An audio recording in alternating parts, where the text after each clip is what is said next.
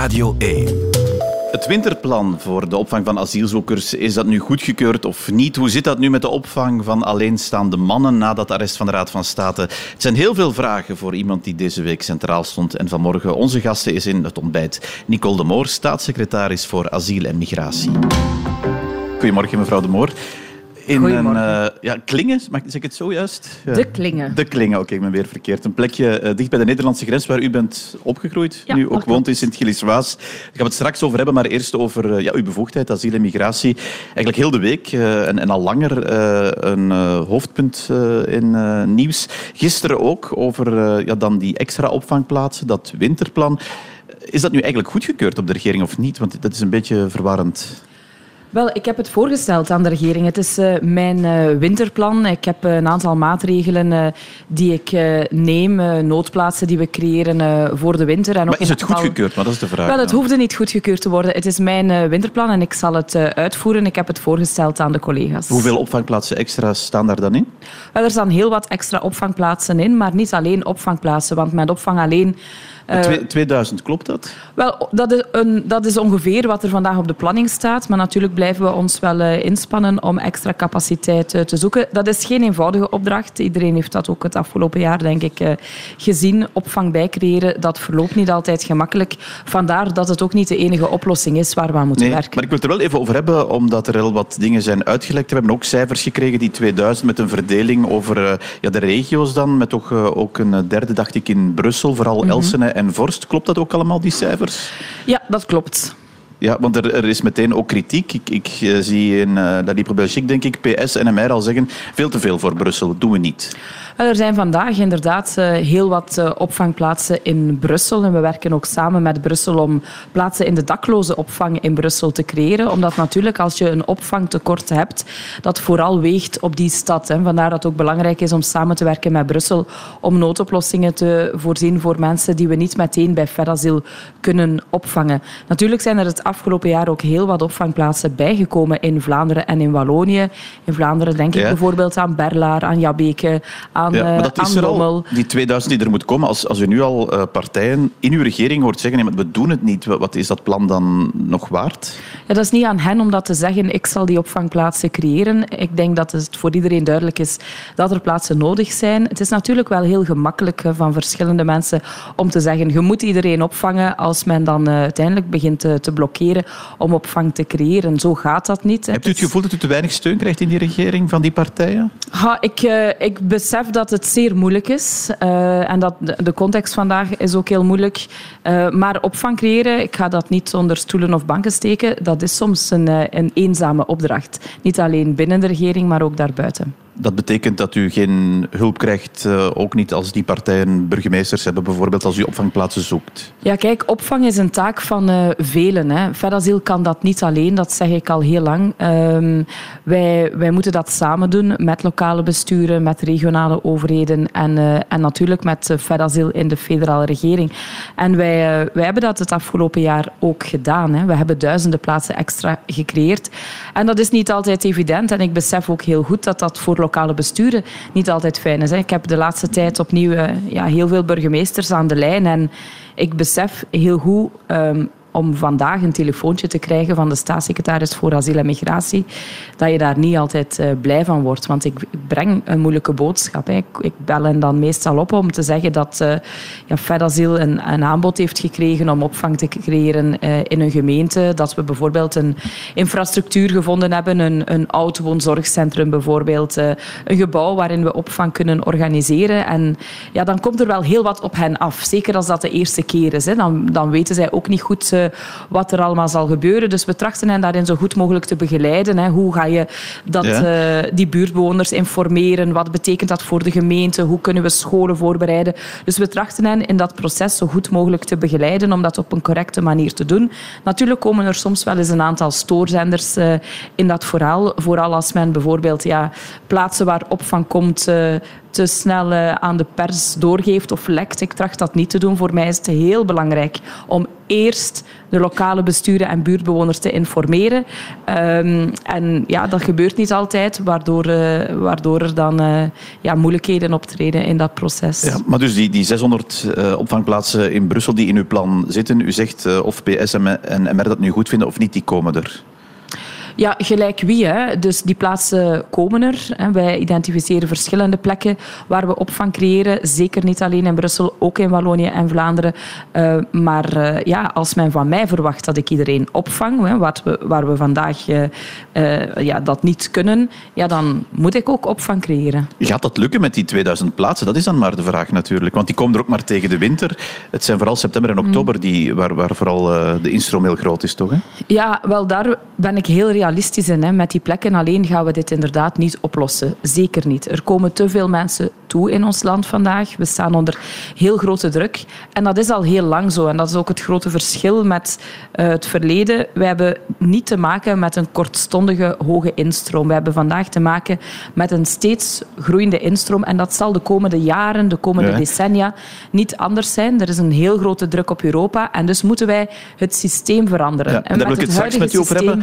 Maar ik wil ook over, over, die opvang nog even hebben. Want um, dat was ook uh, de voorbije weken toch een, uh, een, een punt waar u uh, ja, die beslissing maakte of formaliseerde van we gaan alleenstaande mannen niet meer opvangen. Um, is daar nu iets eigenlijk aan veranderd? Want er is die uitspraak van de Raad van State. Is daar nu wezenlijk iets aan veranderd aan die beslissing? Nee, daar is uh, niets aan veranderd. Simpelweg omdat ik dat uh, niet kan. Ik kan u zeggen, de situatie vandaag in ons opvangnetwerk is zeer moeilijk. Hè? Elke dag. Er zijn eigenlijk twee momenten in mijn dag die, die voor mij bijzonder uh, spannend zijn. Dat is ochtends.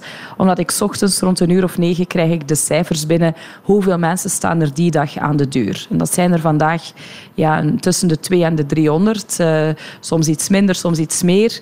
Uh, dat is het aantal mensen dat die dag voor de deur staat. Hoeveel alleenstaande mannen, hoeveel alleenstaande vrouwen, hoeveel kinderen, hoeveel uh, families en gezinnen met kinderen. En het tweede spannende moment, dat is het moment waarop Fedazil mij laat weten, het is gelukt, we hebben vandaag alle gezinnen met kinderen een bed kunnen geven.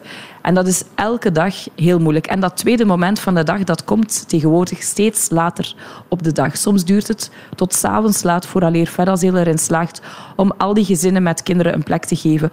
Om maar aan te geven hoe precair de situatie is. Als er elke dag 200 mensen toekomen en er vertrekken elke dag 100 mensen dat is de situatie vandaag ongeveer, ja, dan heb ik 100 plaatsen extra per dag nodig om er te geraken. En die hebt u niet, zegt u? Nee, die heb ik niet. Om u een voorbeeld te geven, binnenkort opent het opvangcentrum in Grimbergen. Ik denk dat iedereen heeft gezien het afgelopen jaar hoe moeilijk dat was om dat opvangcentrum te creëren. Er was ook heel veel weerstand. We hebben, uh, en ik steek mijn nek daarvoor uit. Hè. Het centrum zal er komen. Dat zijn 100 plaatsen. Dat is wat ik elke dag nodig heb. Ik moet dus eigenlijk elke dag een opvangcentrum zoals dat en in Grimbergen dus maakt u die openen. keuze. En moet, u zegt, u, u, gaat die moeten blijven maken. Alleenstaande mannen zullen niet worden ja, opgevangen. En dus maak ik die keuze. Ik geef de beschikbare bedden aan gezinnen met kinderen. Ondanks ik, ook dat arrest van de Raad van State? Ondanks dat arrest van de Raad van State. Ik kan als, als mens, als moeder, niet de keuze maken om kinderen op straat te leggen. En iedereen heeft recht op opvang. Hè. Dus ik begrijp ook absoluut dat de Raad van State dat zegt. Ze hebben ook gelijk. Maar u zegt ook, uh, u, ze hebben gelijk. Maar dat is wel vreemd. U zegt ze hebben gelijk, maar opvang. ik maak wel die keuze. Ja, maar uh, dat arrest van de Raad van State levert mij niet plots duizenden plaatsen extra op. Of dat arrest zorgt er niet plots voor dat er minder mensen in ons land toekomen.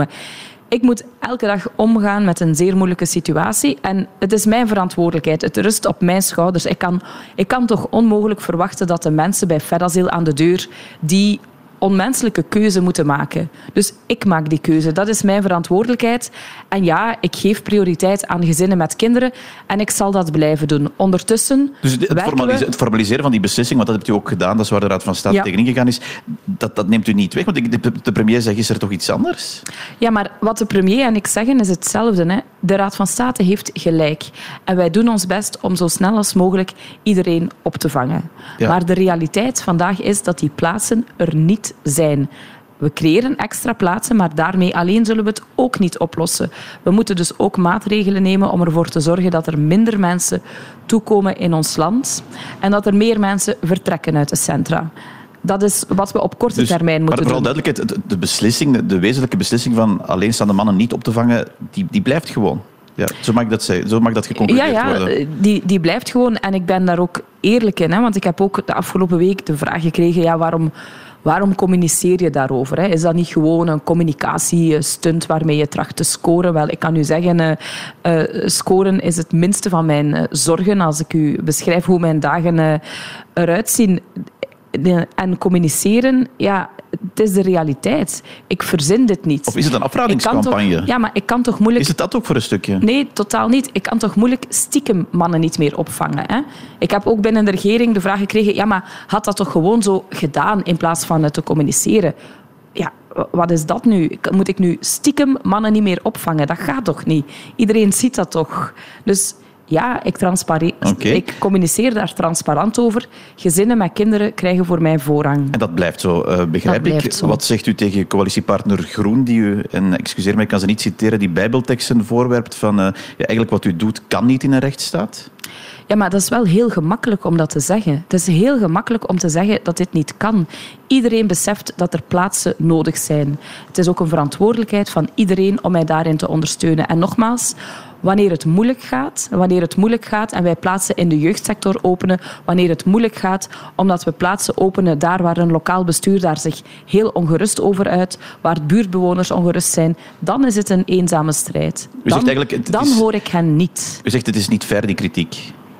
Wel, ik begrijp de bezorgdheid. Ik deel ze zelfs. Ik deel de bezorgdheid over de situatie op het terrein. Maar nogmaals, opvang is een taak van velen. Maar dus die kritiek is niet ver, want dat is, dat, dat is ook wat u zegt dan. Nee, maar ik begrijp de kritiek. Uh, dit is ook een situatie die ik zelf niet wens. Hè. Als ik staatssecretaris werd, heb ik er niet van gedroomd om op een bepaald moment een keuze te moeten maken tussen mensen om hen op te vangen. Maar ik doe het wel, het is mijn verantwoordelijkheid. Ja, nu, als ik u die cijfers hoor zeggen, mevrouw de Moore, 2 tot 300 is die instroom per dag, 100 uh, eh, gaan er uit die opvangcentra uit. Dat is ja, 100 per dag. Als je dat uh, optelt, dan, dan kunnen die 2000 plekken toch nooit volstaan? Wel ja, iedereen die denkt dat dit een simpele logistieke kwestie is om, uh, om op te lossen, die vergist zich schromelijk en die durft ook de waarheid niet onder ogen zien. En ik begrijp het, want het is een het is een heel ongemakkelijke waarheid, een heel Maar dat betekent dat wij in de winter mensen op straat gaan zien? dat kan toch niet anders De pijnlijke waarheid is dat het huidige systeem leidt tot schendingen van rechten. En dat is zo in België en dat is zo in vele andere Europese landen ook. Dat is zo ook aan de buitengrenzen.